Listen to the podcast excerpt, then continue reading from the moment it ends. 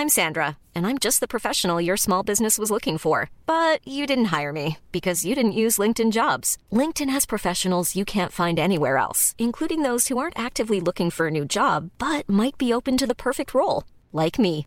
In a given month, over 70% of LinkedIn users don't visit other leading job sites. So if you're not looking on LinkedIn, you'll miss out on great candidates like Sandra. Start hiring professionals like a professional. Post your free job on linkedin.com/people today. Since 2013, Bombas has donated over 100 million socks, underwear, and t-shirts to those facing homelessness. If we counted those on air, this ad would last over 1,157 days. But if we counted the time it takes to make a donation possible, it would take just a few clicks. Because every time you make a purchase, Bombas donates an item to someone who needs it. Go to bombas.com slash ACAST and use code ACAST for 20% off your first purchase. That's bombas.com slash ACAST, code ACAST. Many of us have those stubborn pounds that seem impossible to lose, no matter how good we eat or how hard we work out. My solution is PlushCare. PlushCare is a leading telehealth provider with doctors who are there for you day and night to partner with you in your weight loss journey. They can prescribe FDA-approved weight loss medications like Wagovi and Zepbound for those who qualify. Plus, they accept most insurance plans. To get started, visit plushcare.com slash weight loss. That's plushcare.com slash weight loss. Ungdomsvekkelse, avkristning og Donald Trump. Velkommen til Tore og Tarjei, en podkast fra dagen.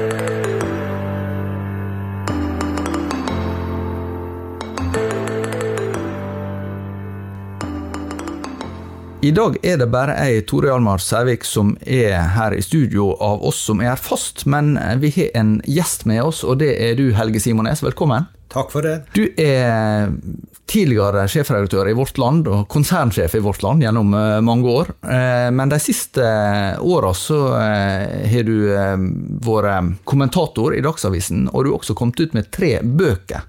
Og det er den tredje av disse som er utgangspunktet til at vi har invitert deg hit i dag. Og den handler altså Tittelen forteller jo ganske klart det. Trump, Gud og kirken. Den handler altså om kristnes støtte til Donald Trump. Og den skal vi snart komme tilbake igjen til. Men jeg tenkte å begynne en, en litt annen plass. For det er noe du sjøl tematiserer i denne boka, og som også er en tråd eh, i de tre bøkene til sammen som du nå har gitt ut om eh, egentlig gudstru i vår tid, særlig i møte med politiske og kulturelle forhold. Eh, den første heter 'En gud for de mange'. Og den andre heter Gud, nei, 'Kampen om korset i politikken'. Og så har vi altså den boka om Trump nå til slutt. Eh, og en av de sidene du tematiserer der, er ditt eget engasjement i en eh, ungdomsvekkelse i Molde som eh, seint i tenåra. Kan du fortelle, hva var det for noe? Ja, det var jo eh, Ung Visjon, som det nettopp har kommet ut ei bok opp, som Kåre Hegle har skrevet. Og eh, det var jo en eh, veldig viktig del av en tidsepoke i mitt liv, fordi at det var på gjennom dette miljøet jeg fikk et, på mange måter et bevisst forhold til kristen tro. Og var flere år også såkalt fulltidsarbeider i Ung Visjon. Det betydde at vi jobba uten lønn, og, og at vi var opptatt av å spre evangeliet i Møre og Romsdal, og en del også videre. Hva er det du husker best fra den tida? Det er jo masse fine opplevelser. Det er jo, eh, der har jo jeg fått et sosialt vennskap som har vart fram til i dag. Mange felles sterke opplevelser, stort engasjement. Følelsen av å være med på noe viktig. Det var jo masse av det som, som sitter igjen på den virkelig positive siden. Så har du også vært åpen med en del ting som du syns ikke var like uproblematisk? Ja, jeg har jo hatt mer en refleksjon over det. om hvordan, altså, En ting er jo hva som fungerer fint i ei gruppe. En annen ting er jo hva er det som fungerer, ikke fungerer så godt for de som står utenfor. Og den gruppa å betrakte inn. Og det er jo Jeg tenker jo at som en som har jobba med kristen kommunikasjon i hele mitt liv, jeg tenker at det er viktig å dvele ved, fordi at jeg opplever at det er så lite oppmerksomhet om akkurat den den måten Hvordan kommuniserer vi med omverdenen? Det er det altfor lite tanke om. Og det var jo det som var bakgrunnen for at, det, at uh, den første boka kom ut, 'En gud for de mange', der jeg også lanserte en, en åndelig Vær varsom-plakat for, uh, for troende. Det er jo eh, forresten tror jeg første gang vi har en gjest fra Søre Sunnmøre. Det, det, er på høy tid. Vi er, vi er, i, felles, vi er i felles båt. Nettopp. Ja. Så, eh, så, vi har vokst opp eh, en del tid mellom hverandre, da, men, men ikke i så, i så, veldig stor geografisk avstand. Og dette er jo et område som kanskje tar opp i seg en del av de samfunnsendringene som du også reflekterer over i denne boka, som har vært liksom regna som en del av bibelbeltet, og selvsagt er prega av, av, eh, stor kristen aktivitet sammenlignet med mange andre områder fortsatt, men eh, samtidig ikke altså Søre Sunnmøre er jo ikke bedehusland lenger, på den måte som, som vi vokste opp med, både du og jeg. Nei, og de siste åra har jo jeg fått anledning til å stifte enda nærere bekjentskap med dette, fordi at jeg sitter i et par styrer i, i Herøy, i Fosnavåg, der du er ifra. Og eh, det har jo vært en, fin opplevelse. Og så ser du at det, eh, hele det religiøse bildet har jo forandra seg ganske sterkt på Søre Sunnmøre i løpet av de siste 30-40 eh, åra, da, da, jeg flytta ut derifra. Og jeg syns jo også det er veldig interessant å se at i, på Søre Sunnmøre er jo det området der en der på mange måter Fremskrittspartiet og de kristne står aller sterkest. Eh, og eh, jeg har jo holdt mye foredrag i, i, dette området i det siste, og har også fått en del eh, reaksjoner på foredraget der. Og, og der er jo det, et av foredragene som jeg holder mest, da, det heter jo 'Når arven etter Donald Trump, når eh, religiøs retorikk og konspirasjonsteorier eh, truer demokratiet'. Og da har jo jeg møtt synspunkt på å bakerste benk om uh, hvor det helt umulig kunne være at, uh, at Joe Biden hadde vunnet, rent matematisk sett, veldig sterke og veltalende fremført konspirasjonsteorier. Og det er jo noe som vi har reflektert mye over nå. Ja, og der, der er, Var det sånn at bedehuset som var nærmest der du vokste opp, ble solgt et elektrofirma nå? Var det var iallfall bedehus på Åheim, men det er kanskje ja, det ikke, det er ikke, Åheim som er min bygd. Min bygde bygd er uh, Eidså. Men jeg hadde ja. jo Eidså bedehus, der hadde jo jeg noen uh, sterke opplevelser som ikke var veldig bra. og så var nettopp koblinga mellom, mellom politikk og, og evangelikal kristendom og omvendelsesforkynnelse veldig sterk. Blant annet en eh, USA-inspirert eh, predikant. Han har vært flere år i USA. Hadde veldig sterke påstander om både om eh, kommunisme og om, om det siste tiders, og særlig dette med Israel slo inn. Og ble det en ny verdenskrig, så var vi kommet til den siste tid. Som vi har beskrevet ganske mye i en av bøkene jeg har skrevet. Men da tenker jeg kanskje du, du selv har trukket linja til det som, som, eh, blir ekstra spennende her, og det er jo kontrastet mellom måte, det kristne engasjementet som du da eh, ble involvert i og, og, og, og identifiserte deg med, og det som skjedde med Donald Trump. Eh, og, og som vil si at eh, dette her er jo eh, helt uforståelig, at det virker som en sånn fullstendig krasj i prinsipp, og andre vil si eh, her kom det en reaksjon som en kanskje kunne forvente, fordi at den, at den altså, Der er kristne i USA, der er et såpass stort segment som opplever at en er blitt så pressa, og at samfunnet utvikler seg i en sånn retning som en er så bekymra for, at til slutt så må det komme en slags motreaksjon. Ja, og det, det er jo veldig mye i den analysen, og jeg skrev jo en, eh, en kronikk i Dagen om det nylig, og eh, har brukt mye plass til akkurat det i boka, den krenkelsen som mange eh, troende i USA opplever.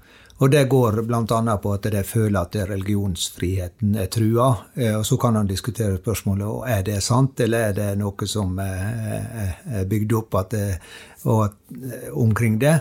For jeg vet ikke om man kan si at det er så enormt mange som tenker på at det, folk i USA ikke kan få tro på det de vil. Men det er blitt en enorm polarisering i USA, og det forsterker seg veldig i forbindelse med 9-11 og det muslimske angrepet. Så USA har endra seg veldig sterkt, og det har slått inn på det religiøse området, og det har slått inn på, på politikk. Så jeg har ingen problemer med alle de som prøver å forklare hvorfor det er blitt slik, og det er jo det jeg også prøver med boka. Men så går det en grense, mener jeg, mellom det å forklare og det å unnskylde. Og det, det, er det som jeg syns altfor mange eh, havner i den grøfta og sier at ja, nei, vi, vi, må jo bare akseptere at det er slik når de er blitt så krenka. Eh, det tror jeg ikke er en sunn reaksjon på dette. For det kan ikke være slik at du skal ta hvem som helst og velge til president bare fordi at du kjenner på en krenkelse. Og så veit vi at Donald Trump var ekspert til å snakke til alle de gruppene i USA som kjente seg krenka, eh, de religiøse inkludert. Og det han gjorde, det var jo å beskrive et problem eh, som de opplevde som et problem. Og så lanserte han seg sjøl som løsninga på problemet. Men Ofte veldig enkelt, men eh, rett fram nok til at folk trodde på han. Så han, var, han ble det krenkedes president, og, og Eh, skåra veldig høyt på det. Og fikk veldig mange støttespillere, varige støttespillere, og deriblant de evangelikale kristne. Eh, forstår du de, altså for et øyeblikk heller Trump utafor, forstår du de kristne som, som er bekymra for eh, samfunnsutviklinga i USA? Dette er jo en, en del av det jeg vil sette inn i en åndskampsperspektiv. Og så kan eh, eh, kan være ganske farlig når at du etablerer for sterke fiendebilder.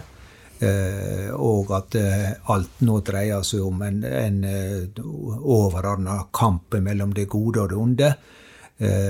Og vi ser jo nå at når du har etablert et bilde av en veldig sterk åndskamp, så skaper det også grobunn for konspirasjonsteorier. fordi at det, det er jo veldig ofte slik at da har du etablert en oppfatning, og så kommer det en teori eller en ny tanke som på en måte bekrefter det du allerede har tenkt. Så kjøper du det argumentet uten å gå inn i og se hva som er sannhetsgehalten i det. Er det riktig, det som fremføres her? Så jeg syns vi ser dette åndskampsbildet veldig sterkt, og jeg mener jo at eh, USA er svært det religiøse USA er svært prega av at det, det, er blitt eh, Den karismatiske bevegelse har fått så utrolig større, mye større oppslutning i USA de siste 50 åra. Eh, det er jo en sosiolog som har pekt på at det, de historiske kirkesamfunnene har gått tilbake 0,5% årlig over 50 år, mens den karismatiske bevegelsen har eh, gått fram med 3,2% hvert bidige år. Og når vi da ser bildet om hvordan disse ultrakarismatiske menighetene eh, virker inn på politikken, og vi ikke ser det bare i USA, men vi ser akkurat det samme i, i Brasil med Cher Messias Bolsonaro. Det er jo eh, der han henter en god del av støtten sin. Den, det er han som kalles tropenes Trump. Men de som, som eh, eh da Eh, stemme eh, på Trump vil jo i utgangspunktet altså Et, et uh, aspekt som iallfall har slått meg når jeg har jobba såpass mye med USA, er jo at det, forståelsen for det å være republikaner i Norge, det, den er jo ikke veldig sterk. Uh, uansett. Altså, det å ha de, de idealene om en lite inngripende stat og lavt skattenivå og store individuelle friheter Det er jo en veldig sånn frihetstenkning. Du må huske på at uh, ja, du har vært så mye i USA at du har møtt noen evangelikale menigheter og har sett at nesten alle av dem har fri i navnet sitt. Ja, ja, ja.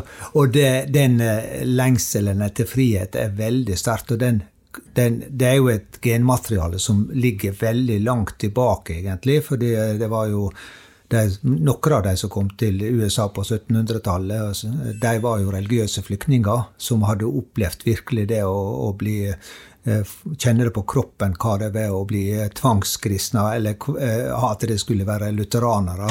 Altså fyrstens religion var folkets religion. Ja, ja Noen av de første som reiste fra Norge i 1825 med restaurasjon, ja, var jo haugianere og kvekere. Kvekere, nettopp. Ja. Og det, det, ligger veldig dypt i den amerikanske selvforståelsen og den religiøse identiteten.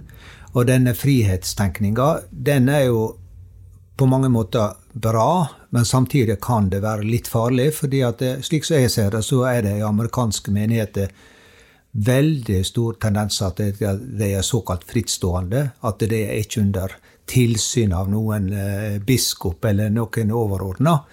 Og da tenker jeg at eh, det er jo en ganske farlig situasjon når en pastor ikke har noe å bryne seg på. Eh, og eh, særlig når det er en karismatisk orientert pastor som greier å få forsamlinga med seg, så er dette en ganske farlig situasjon. Nå så jeg en undersøkelse nokså nylig på hvor mange amerikanere som har vært i kontakt med, med menigheter og fått en eller annen form for hjelp i forbindelse med koronatida. Jeg husker ikke nøyaktig tall, men det var rundt en tredjedel. Iallfall er det ganske mange amerikanere som opplever menigheten som en, eh, en viktig medspiller for å få livet til å gå rundt, egentlig. Ja, en, et sosialt tankefeste, vil jeg si. De amerikanske menighetene driver jo veldig ofte et svært godt sosialt arbeid. Eh, veldig mye av det som eh, de holder på med, det er en vesentlig del av livet til, til de som er med i menighetene. Eh, men det, det at de driver så mye godt arbeid, det kan jo ikke forhindre at han stiller spørsmål ved teologien og ved politisk tenkning. Og det er der jeg opplever at det blir litt for mye sånn Ja, men de driver, gjør jo så mye bra, for skal vi, hvorfor skal vi kritisere da? Det tenker jeg er en feil eh, perspektiv. Og da bringer det tilbake til eh, misjonærbarna-debatten i, i, i, Norge. Altså, Misjonærene gjorde jo så mye brak. Hvorfor skulle vi sette spørsmål ved måten dette ble organisert på de, de, de, med barna? De reiste jo ut bare for å tjene Gud. Og Dermed ble det stilt altfor få kritiske spørsmål, og vi vet virkningene av det på lang sikt. Det er virkelig mange eh, misjonærbarn som sitter igjen med dype, dype sår eh, i forhold til det som var foreldrenes kall.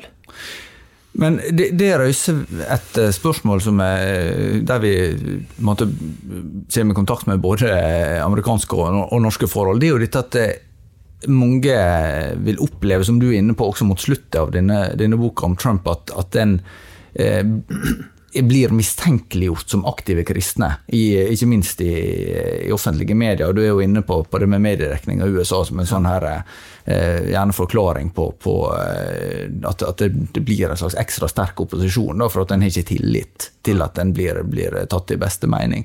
Eh, hva tenker du er et bedre alternativ? For, for, for somme, kristne vil si at vi, vi, blir jo ikke møtt med oppriktig interesse, vi blir mistenkeliggjort. Og som vil kanskje også si, eh, bidrar du egentlig til å øke den mistenkeliggjøringa? Ja, det kan godt hende, men eh, jeg greier ikke ut ifra min som journalist og redaktør, eh, så jeg kan ikke se at det Eh, det er et alternativ å si bare vi feier under teppet, vi, vi bryr ikke oss om det. Fordi at situasjonen er så vanskelig. Det er nesten sånn krigstilstand, det, hvis du velger det.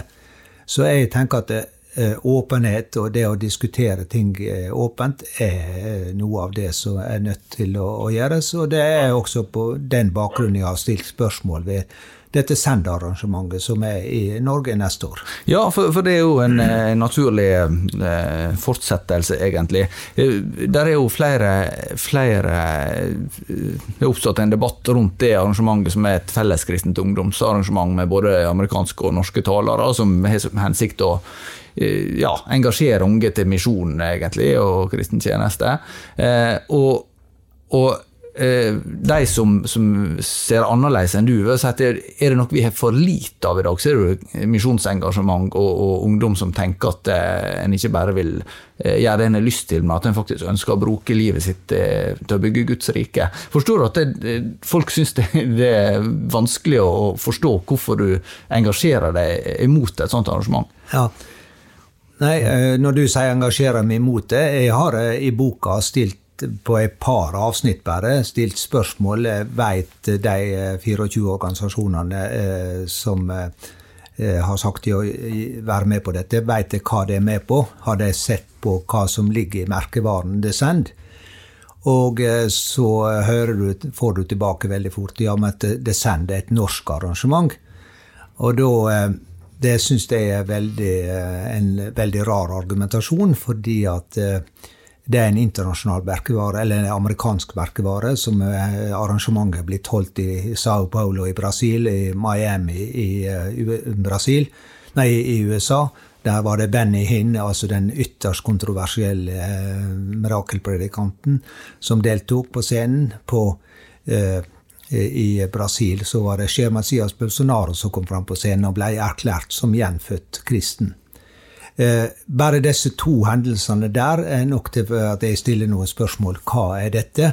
Og så har jeg sett på bakgrunnen til de som forma eh, og var premissleverandører eh, til det send, og da kommer du innom hele denne profetvekkelsen som pågår i USA.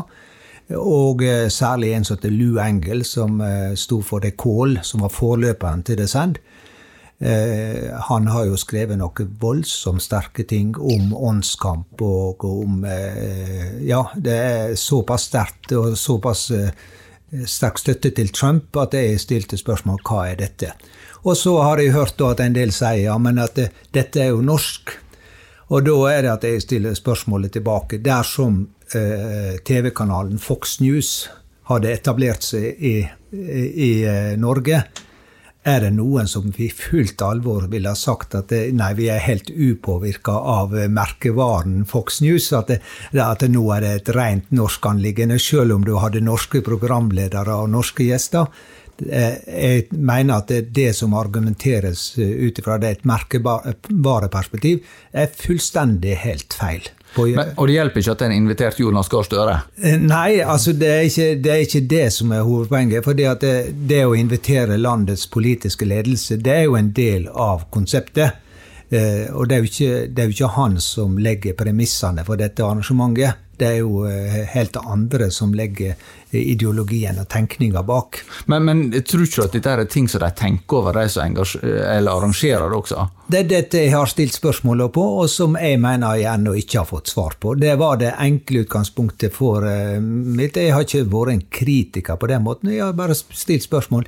Veit dere hva dette er for noe? Har dere satt dere inn i hva som er ideologien og tenkninga her? Det er mitt enkle spørsmål, og jeg noterer at det er veldig eh, få som gir svar på det. Andreas Nordli i Ungdom i oppdrag har hatt en eh, rekke gode artikler, mener jeg.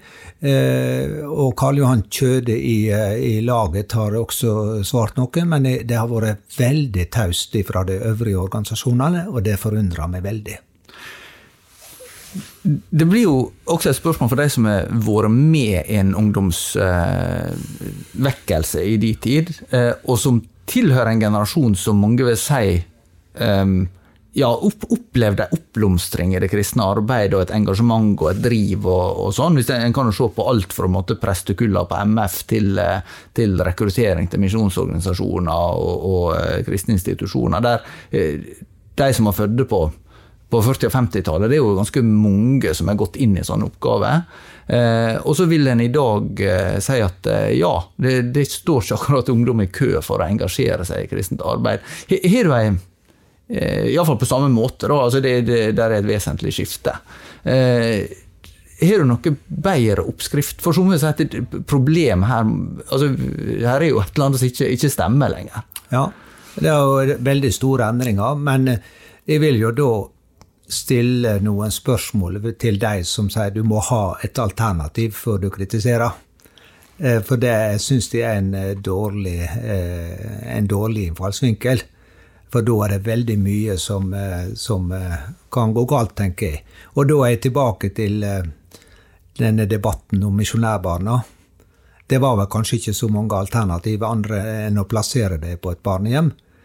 Og dermed så forstumma kritikken. Ja, det, var, det er det veldig uheldig at det ble slik, og det er mange mennesker som har lidd eh, over det. Og eh, jeg tenker at du må kunne stille noen kritiske spørsmål uten at du alltid har svaret på rede hånd på hvordan du vil gjøre dette.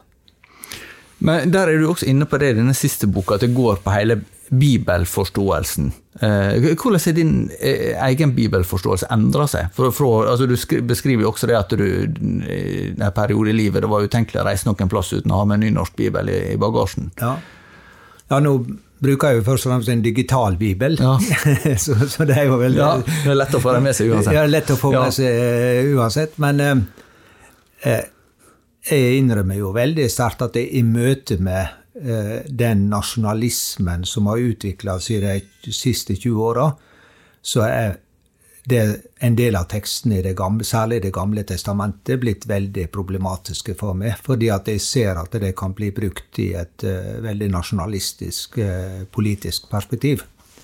Og uh, det har vi også i arbeidet med denne boka, med Trump, Gud og kirken, så har vi nettopp sett hvordan Det gamle testamentet blir brukt i USA og eh, særlig dette her med å bruke en del eh, personer som i persongalleriet som modellfigurer for hvordan eh, ledere skal opptre i, i dag. Eh, og jeg syns det er blitt uhyre mye spekulativt som er kommet ut av den bibelbruken. Eh, men det feste ligger jo i dette her med, med at eh, en bruker Det gamle testamentet og Bibelen veldig eh, bokstavelig. da, og, eh, og, dermed så har du klart for deg hvordan løsninga er på det når du står over et politisk problem. Og dette slår jo veldig sterkt ut i synet på Midtøsten. Er du, er du, det er jo klart at hvis du tenker at det, ja, det er helt åpenbart at Gud har en plan for Israel og Midtøsten, og hvordan grensene skal bli, så er jo det ikke noe mer, så veldig mye mer å debattere politisk. En annen inngang til det er jo å si at eh, ja, dette er et normalt politisk spørsmål, og, og, som det ikke skal legges for mye teologi inn i. Men hvordan tenker du om, om, om Bibelens relevans for politikken? Da, og for, eh, altså, hva, hva, betydning har den, sånn som du ser det? Ja, Bibelens relevans for politikken har jo eh, Det er jo det er jo antagelig verdens viktigste bok, som har forma oss, iallfall det vestlige verden. Og eh, da vil jo jeg hevde at det, at det vi har tatt med oss av humanistiske verdier, er jo en god del av det er jo henta for de kristne, eh, de kristne skriftene. Så slik sett så er jo dette blitt eh, er veldig viktig. Men jeg vil jo ikke så at det, du sitter og siterer bibelord, men det er jo grunntanken i, i, i, i Bibelen. Altså at mennesket har en stor verdi, at eh, mennesket har en helt spesiell verdi. Det er jo disse tingene som jeg mener er formende for politikken, og at vi har et eh, ansvar i verden, eh, og det skal vi forvalte. Det er jo ei side der som, som, eh, også blir utfordrende når en skal beskrive en sånn såpass stor og brei sammenheng. Du er inne på det med å snakke om evangelikale kristne. At, at det er jo ikke noe veldig entydig begrep, men det er jo eh, mye det som er utgangspunktet her med eh, når du skriver om sammenblanding av teologi og politikk, også problematisk bibelbruk, at det er knytt mye til, til det du med en fellesbetegnelse kaller evangelikale miljø, for de er, veldig opptatt av at Bibelen har en spesiell eh, posisjon som, som, Guds ord, og at den også da eh, forteller mye om hvordan en skal leve. Men, eh, men det eh, lurte litt på, for at i og med at den evangelikale bevegelse omfatter altså veldig mye, og i USA også kan sies å være et sånt kulturelt begrep, om dette her er det kan være for at du blander sammen forskjellige ting. Altså Lausanne-bevegelsen, som er jo kjent også i Norge som en misjonsbevegelse, og en del til seg disse her, eh, mer sånn eh, kristennasjonalistiske amerikanerne med karismatisk tilsnitt er jo ganske forskjellige ting, selv begge vektlegger Bibelen ganske sterkt. Ja, og eh, jeg har jo i boka problematisert norske mediers bruk av evangelikale, fordi at en sier det med største selvfølgelighet, og så og så eh, forklarer ikke de leserne at dette er en veldig sammensatt bevegelse, og at det er utrolig mange sjatteringer her. Så det er, jo, eh, det er jo et av de tingene som jeg er veldig opptatt av å forklare. Eh, men det som jeg peker på, det er jo dette her språket vårt, det som vi har felles, og som ofte kan gå ut litt sånn Ja, ganske galt ofte. Når f.eks. det overføres det fra et personlig kristenliv om velsignelse og utvelgelse, og det går over med største naturlighet over på en nasjon. At det ikke bare Altså, USA er Guds utvalgte nasjon. Det er det nye Israel. Eh, denne nasjonen skal bli spesielt velsignet fordi at det er så kristent. Eh, så er jo det et språk som vi også hører i Norge men ikke så veldig mange miljø. Men det, du har det også i Norge. Denne eksklusivitetstenkninga om at du har Gud spesielt på ditt parti, både som person og som, eh, og som eh, menighet og som nasjon. Det er jo det jeg går løs på, og det er det jeg stiller spørsmål ved. Ja, hvordan syns du det har endra seg? Altså, for du har jo, eh, som vi var inne på, var jo redaktør i Vårt Land i nesten 30 år. Eh, og, og, Opplever du der at Kristen-Norge endrer seg i så måte? Ja, det er åpenbart noe generasjonsperspektiv i dette. Eh, jeg ser at det, eh, denne velsignelse å ha Gud på sitt parti sto veldig mye sterkere i den gamle lekmannsbevegelsen og i frikirkene. Eh, unge medlemmer av disse sammenhengene er ikke så eh, sterke i språkbruket. men det er jo ikke tilfeldig at det er de som, eh, de som ser på Visjon Norge, det er veldig ofte mye folk fra eh, gamle mediehusmiljø, eldre folk, eh, som opplever at det, dette språket er slik som det var på bedehuset i gamle dager. Det har jo hørt folk. Jeg liker så godt å se på TV Visjon Norge, fordi at det, der snakker de slik som de gjorde på bedehuset i gamle dager. Eh, og jeg har jo tenkt at eh, ja, Eh, skal han bare si ja, vil det være utdøende dette språket? Jeg tror ikke det, fordi at jeg ser av særlig karismatiske sammenhenger så kommer det opp igjen. Og, og det er veldig sterkt, og syns at det er viktig å, å advare mot det.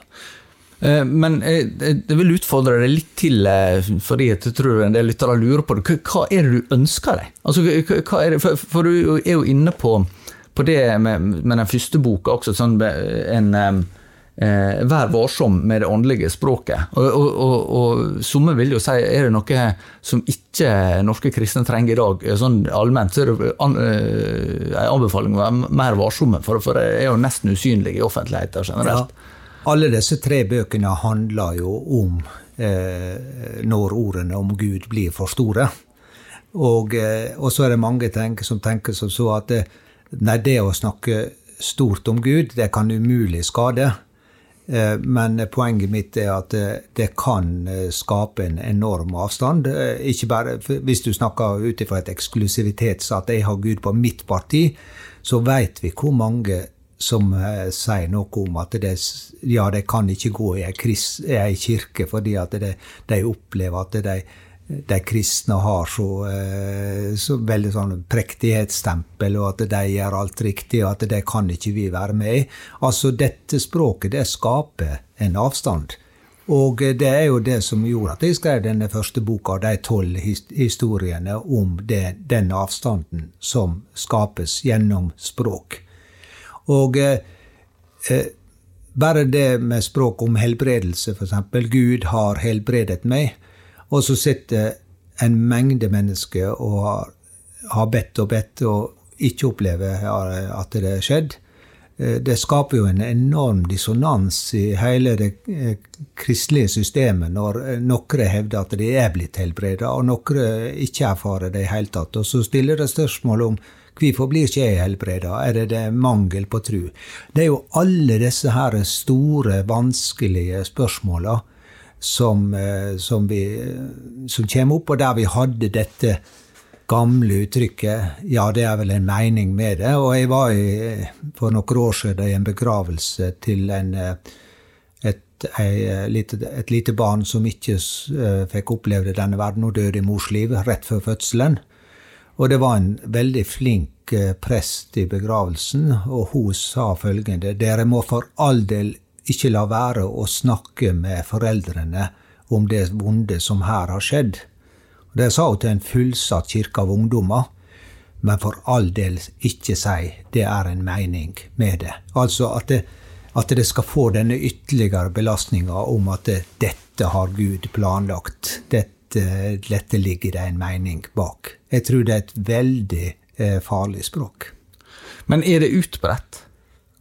Det har iallfall vært veldig utbredt, og jeg syns de ser i noen av disse eh, nykarismatiske sammenhengene, så eh, popper det opp igjen.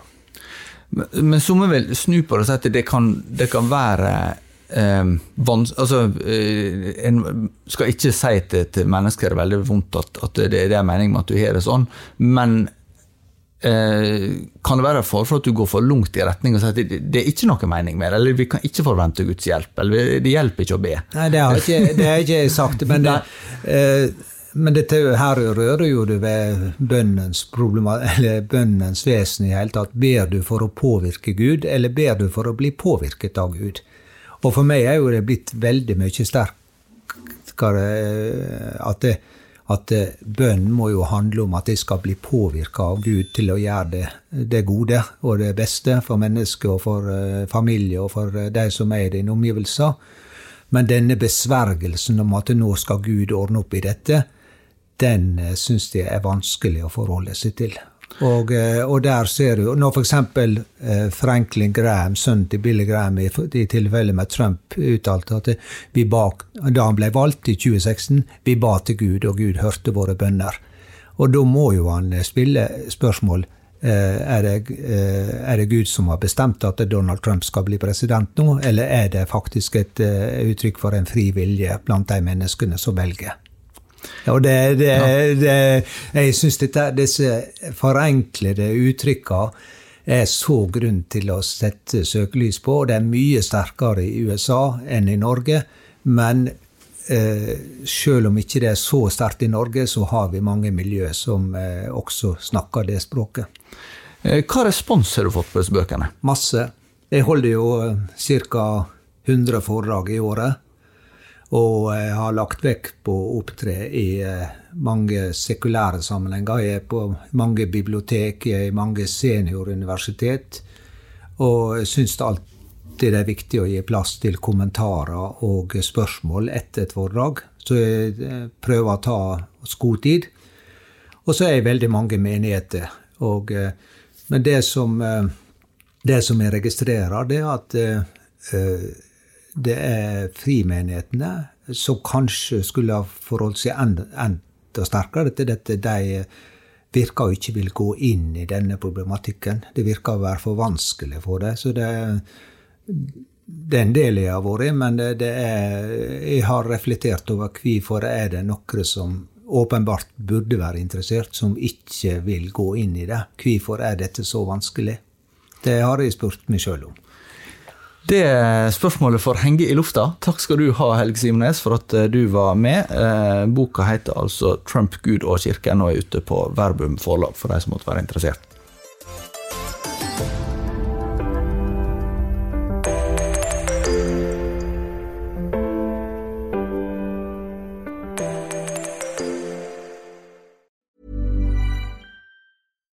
Normally, being a little extra might be a bit much, but not when it comes to healthcare. That's why United Healthcare's Health Protector Guard fixed indemnity insurance plans, underwritten by Golden Rule Insurance Company, supplement your primary plan so you manage out of pocket costs. Learn more at uh1.com. Hi, I'm Daniel, founder of Pretty Litter. Did you know cats tend to hide symptoms of sickness and pain? I learned this the hard way after losing my cat, Gingy. So I created Pretty Litter, a health monitoring litter that helps detect early signs of illness by changing colors, saving you money and potentially your cat's life. Pretty Litter is veterinarian developed, and it's the easiest way to keep tabs on your fur baby's health right at home. Go to prettylitter.com and use code ACAST for 20% off your first order and a free cat toy. Terms and conditions apply. See site for details. Planning for your next trip?